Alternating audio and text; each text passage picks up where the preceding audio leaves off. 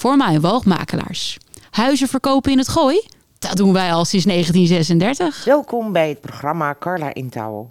Vandaag hebben we een mooie, bijzondere man te gast. Ed Spetter, oprichter van Stichting Stolpensteinen Laren Blarikum.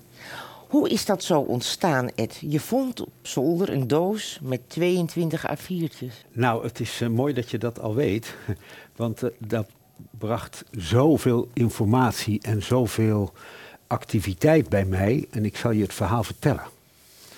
Uh, ik heb als um, bedrijfskundige heb ik, uh, een stichting geholpen om zich te uh, organiseren en om in te richten. En dat was de Stichting Oorlogsverhalen. En ik zat thuis en ik dacht, ik moet toch van mijn vader nog steeds die doos hebben met zijn Joodse paspoort en met valse papieren die hij toen heeft laten maken. Uh, ik ga er toch nog eens in kijken. Dus ik heb die dozen opengemaakt op zolder. En uh, daar was ik in aan het, uh, aan, een beetje aan het, aan het rondsnuffelen. Onder in die doos vind ik 22 A4'tjes, vol getypt met zijn levensverhaal. En je zult begrijpen dat uh, ik met rode oortjes die 22 A4'tjes ging lezen. Dat ik niet begreep waarom hebben we dat niet eerder gevonden.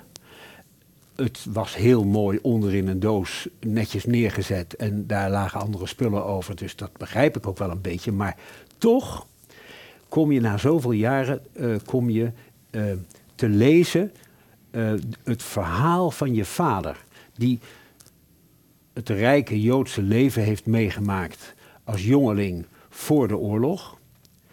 Uh, ze hadden een, uh, een, bedrijf in mode met een aantal panden in het centrum van Rotterdam. vervolgens lees ik dat hij tijdens het bombardement met zijn vader op het dak klom van de panden om met natte lakens de brandbommen van het dak af te zwiepen. Nou, je begrijpt, dat konden ze maar een half uur volhouden, want dat ging helemaal fout. Moesten ze vluchten. het centrum van Rotterdam uitgevlucht.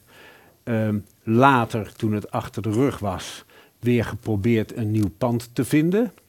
Uh, dat is ook wel weer gelukt. Uh, bedrijf in, eh, in mode weer opgestart. Midden in de oorlog. Midden in de oorlog, na, de, na het bombardement. Maar je begreep, dat duurde maar kort, want de jodenvervolging kwam eraan. En werd heftiger en heftiger. Dan lees ik in die A4'tjes dat er een geweldige discussie was in het gezin en in de familie. Gaan we nou onderduiken? Gaan we weg? Of wat doen we nou? Nou, mijn vader ging uh, onderduiken, vertelde hij bij zijn verloofde ook in Rotterdam. Hij bracht zijn zuster bij een boerenfamilie in Nieuwekerk aan de IJssel.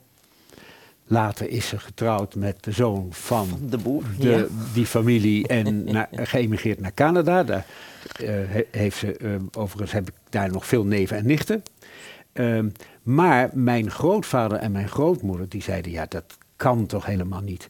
Uh, uh, dit soort dingen gebeuren hier toch niet. We zijn hier veilig, we hebben niemand kwaad gedaan. Wij blijven gewoon. Maar je begrijpt wat voor discussies daar waren en wat voor verdriet er waren bij de kinderen om zo hun ouders achter te laten. Goed, uh, mijn vader is ondergedoken en is drie jaar niet uit dat huis geweest. Heeft drie jaar op een zolderkamertje uh, gewoond en geslapen.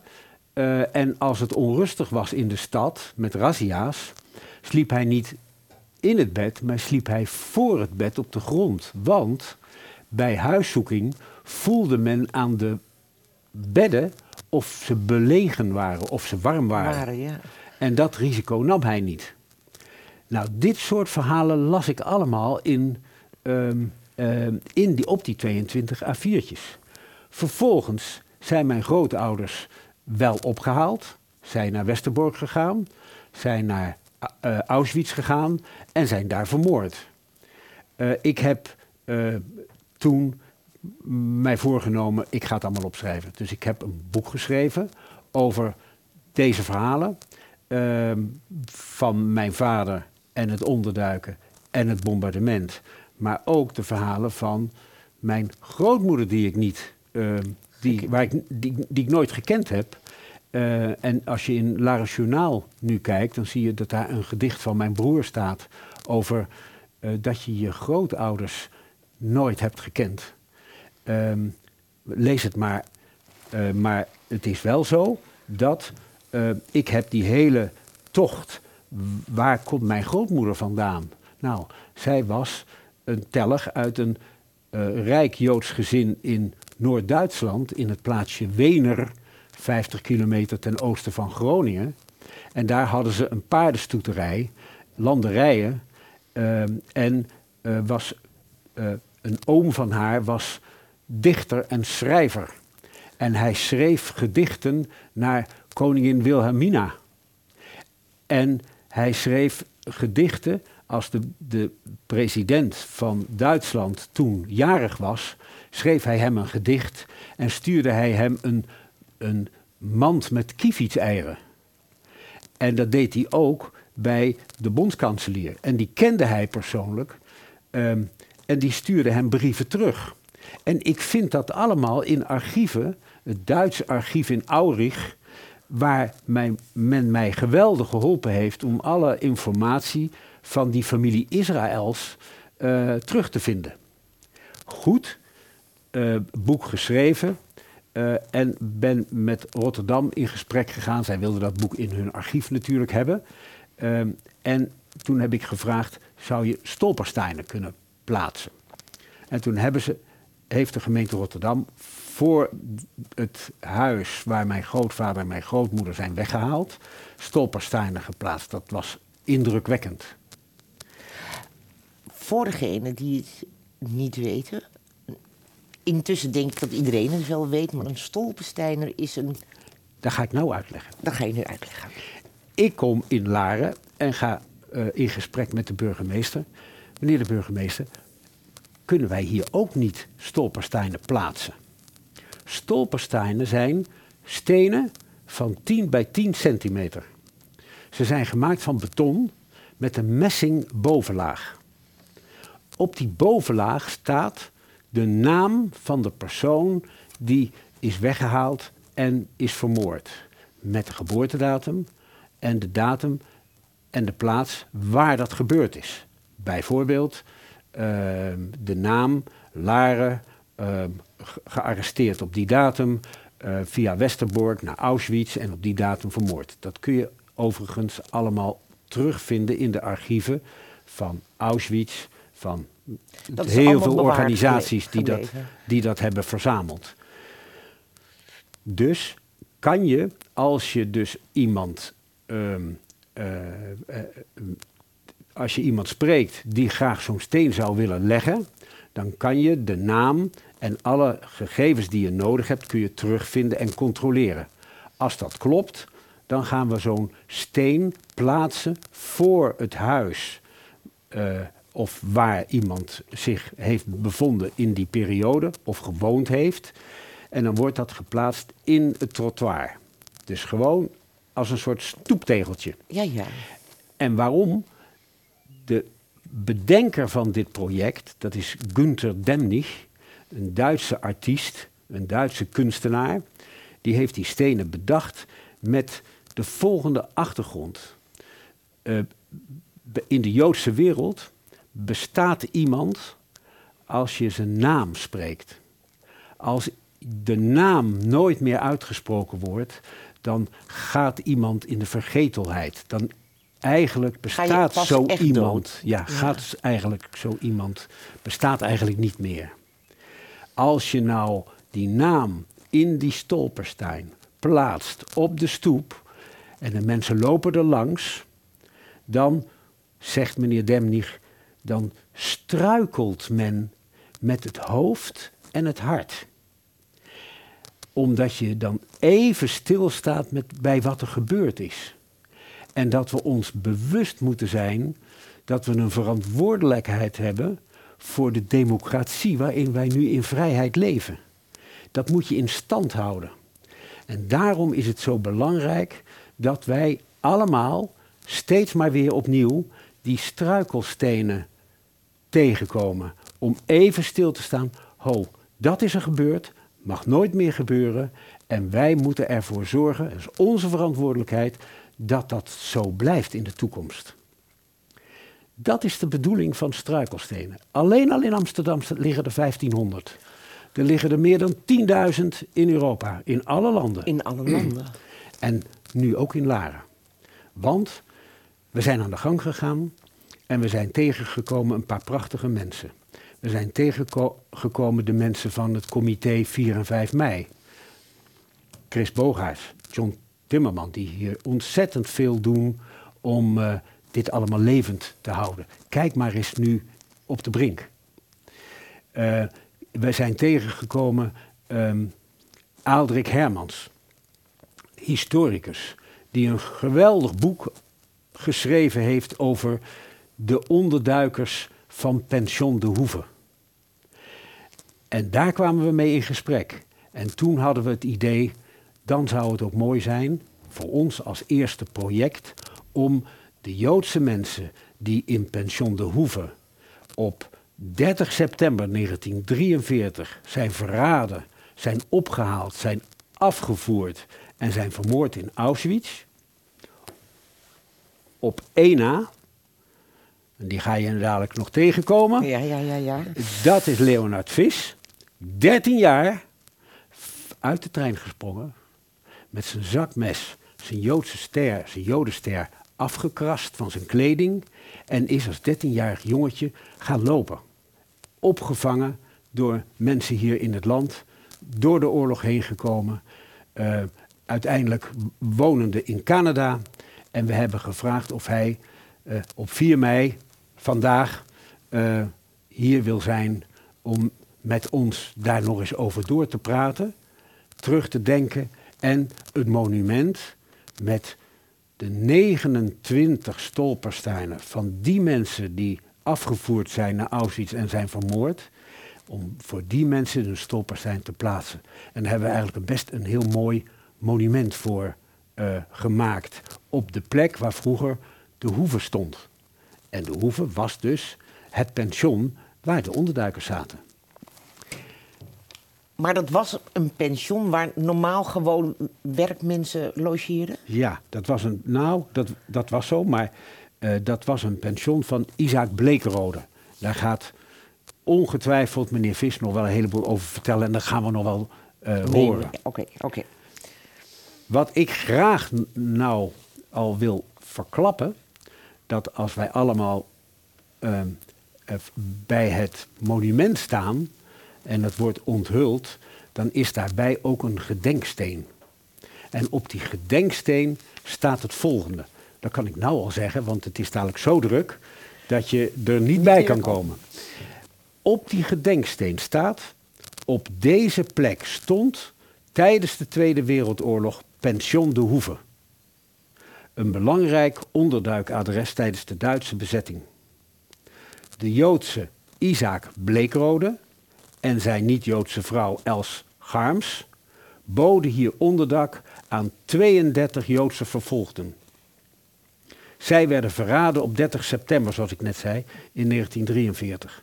En zijn bijna allen vermoord op 22 oktober 1943 in Auschwitz.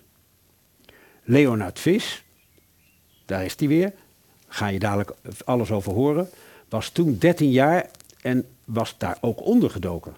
Hij wist te ontkomen en overleefde de oorlog. En Leonard Vis, 92 jaar, onthult deze gedenkplek op 4 mei 2023. Geweldig. Dat is het verhaal van de hoeve en het monument wat we nu gemaakt hebben. En jouw vader heb, heeft ook de oorlog overleefd? Ja.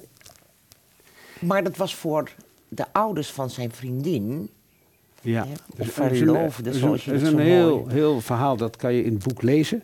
Maar eh, mijn vader is dus bij zijn verloofde eh, eh, ondergedoken. En ze hebben onder de naam van zijn verloofde, zij was niet Joods, zij kon het bedrijf voortzetten onder haar naam. Want Joodse bedrijven konden niet bestaan, werden uitgeschreven. En zij zijn toen doorgegaan en zij zijn voor heel veel modewinkels, met name dameshoeden, eh, hebben zij een mooie taak verricht. In heel Nederland konden de mensen, de vrouwen, geen hoed kopen, maar moest je het dus met je oude hoed doen. Die oude hoeden werden verstuurd in dozen naar dat adres waar mijn vader ondergedoken was. Die hoeden werden ontvlooid, werden schoongespoten, werden gestoomd, werden opnieuw voorzien van lint of een garnituur en werden zo weer in dozen teruggestuurd naar die winkel in het land. En zo verdienden zij veel geld en was het ontzettend druk. In die dozen, want de mensen in het land begrepen het wel een beetje, zaten aardappels, zat meel, zat vlees. Dus er werd ook van alles naar Rotterdam in die dozen verstuurd, waar die hoeden ook in zaten. Het werd zo druk dat er iemand bij moest komen om eh, dat werk te doen.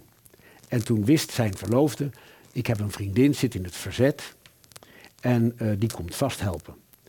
En zij is ook gekomen en nou gebeurt het. Zij wordt verliefd op mijn vader en mijn vader op haar. Hé, wat fijner toch? En die verloving is toen uiteindelijk verbroken, maar de vriendschap is gebleven.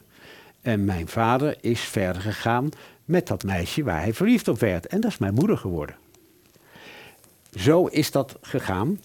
Dan krijg je de bevrijding. Toen het eenmaal zover was, want we hadden Dolle Dinsdag al achter de rug. Ja, eh, eh, wat was Dolle Dinsdag ook al? Nou, dat was een hele spannende periode. Dat er zo, het zuiden was al bevrijd en uh, het westen en het noorden niet. En de, de geruchten en de berichten kwamen langzaam maar zeker steeds heftiger uh, binnen in het noorden dat de bevrijding aanstaande was. En dan krijg je een bepaalde gekte. Op die dinsdag dacht men, en nou is het gebeurd. En zijn de mensen de straat op gegaan? Hebben ze de Nederlandse vlaggen weer uit de, uit de, van de zolders afgehaald? En was dat even een soort viering van de bevrijding? Maar dat was helemaal niet zo. En de Duitsers hebben dat enorm de kop ingedrukt. En toen zijn er nog hele verschrikkelijke maanden. Hebben ze, heeft men nog moeten wachten. Dan heb je eigenlijk de hongerwinter. Uh, uh, op de echte bevrijding. Toen die echte bevrijding in 1945 gaande was, durfde mijn vader niet naar buiten. Nee, Want die was de, als de ja. dood dat er toch nog weer iets gebeurde. Dus het heeft bij hem nog drie dagen geduurd, na drie jaar binnen te zijn geweest, heeft het nog drie dagen geduurd voordat hij naar buiten durfde te gaan. En wat deed hij? Hij verkocht zijn postzegelverzameling aan een officier uit Amerika die terugging naar Amerika. En met dat geld kocht hij een witte ambulanceauto. En met, die, met een rood kruis erop. En met die, dat, met die auto ging hij bezet gebied in, Duits gebied in. En, en reed hij langs de militaire posten met het verzoek: mag ik jullie lijst zien van Joodse mensen die hier langs zijn gekomen? Hij was op zoek naar zijn vader en zijn moeder. moeder ja. Na drie weken kwam hij terug met het bericht geen spoor. En zo eindigt mijn boek. En zo eindigt eigenlijk ook het verhaal wat ik gelezen heb uit die 22 kantjes uh, die ik ben tegengekomen. Maar het was wel de bedoeling van jouw vader dat jij het zou lezen, want hij had het niet voor niks uitgetikt. Nou, dat, dat is een, eigenlijk een heel bekend onderwerp. Je hoort heel vaak dat men niet over de oorlog wilde spreken. Dat het stil was in de gezinnen als het even ter sprake kwam. Dan hield men ho en men vertelde niets. Zo was dat ook bij mijn vader. Hij kon er niet over praten. Maar hij heeft wel opgeschreven. En we hebben het wel nu uh, gelezen en we hebben het vereeuwigd in het boek wat ik geschreven heb. Het hele verhaal staat erin. Ja, ja maar, maar hij wilde wel per se dat, dat jullie het wisten. Natuurlijk. Natuurlijk. Je wil het wel doorgeven, maar je kon er op dat moment, dat is ook emotie, ja. kon je er niet over praten. Maar jouw vader heeft natuurlijk wel enorm gewerkt in de oorlog. Dus het is ja. wel uh, fijn dat hij ook wat kon doen. Ja, hij, afleiding. Ja, dus enorm hard gewerkt toen. Familie was er niet meer. Dat kwam die ook ach- later pas achter dat dat natuurlijk to- toch een enorme impact heeft gehad. Dat eigenlijk het grootste gedeelte van de familie eh, eh, zijn eigenlijk allemaal vermoord. Ook aan mijn grootmoederskant. eh, dat was die, de familie Israëls waar ik net over sprak uit Duitsland. Daar zijn de meeste ook van afgevoerd en vermoord. En mijn grootmoeder was als jong meisje vroeg wees. En was met haar twee eh, zusjes ondergebracht bij familie. Zo ging dat natuurlijk Ja, zo. ja. En zo is ze gaan wonen bij tante Bertha. Tante Bertha woonde in Den Bosch, Nederland. Tante Bertha was getrouwd met oom Maurus. Heb ik allemaal gelezen in die 22 A4'tjes. Oom Maurus had de grootste schoenenfabriek van Europa. Met 200.000 paar schoenen per jaar. En dat was in Den Bosch. En hij was een neef, Maurus van den Berg, van de familie van den Berg, die heel actief was in boter. Was een grote boterfabrikant. En de grootste concurrent van de familie van den Berg was de familie Jurgens. En zo ontstond uiteindelijk, na veel gesprekken, de fusie van den Berg en Jurgens, Ja. boter.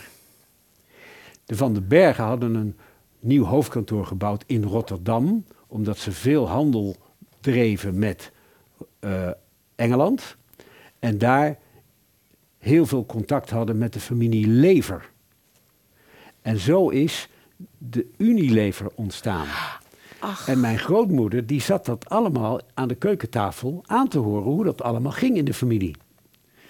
Zo kwam ze ook veel in Rotterdam en liep ze tegen de spetters aan. En zo is, en nou praat ik over 1900, 1900 ehm, zo, zo eh, is er een huwelijk gekomen tussen eh, eh, Ellen Lydia, mijn grootmoeder, Israëls, en Maurits Spetter. En dat waren mijn grootvader en grootmoeder. Dus er zijn zoveel verhalen die je dan zomaar op de zolderkamer aan het lezen bent. Daarom is het zo mooi dat we nu stolpersteinen hebben. En dat we weten, en dat iedereen moet wezen, weten dat ze er zijn, waarom ze er zijn. Blijf onthouden, blijf onthouden, struikel een beetje met je hoofd en je hart. Dankjewel, Ed. Wat Dankjewel. een prachtig verhaal.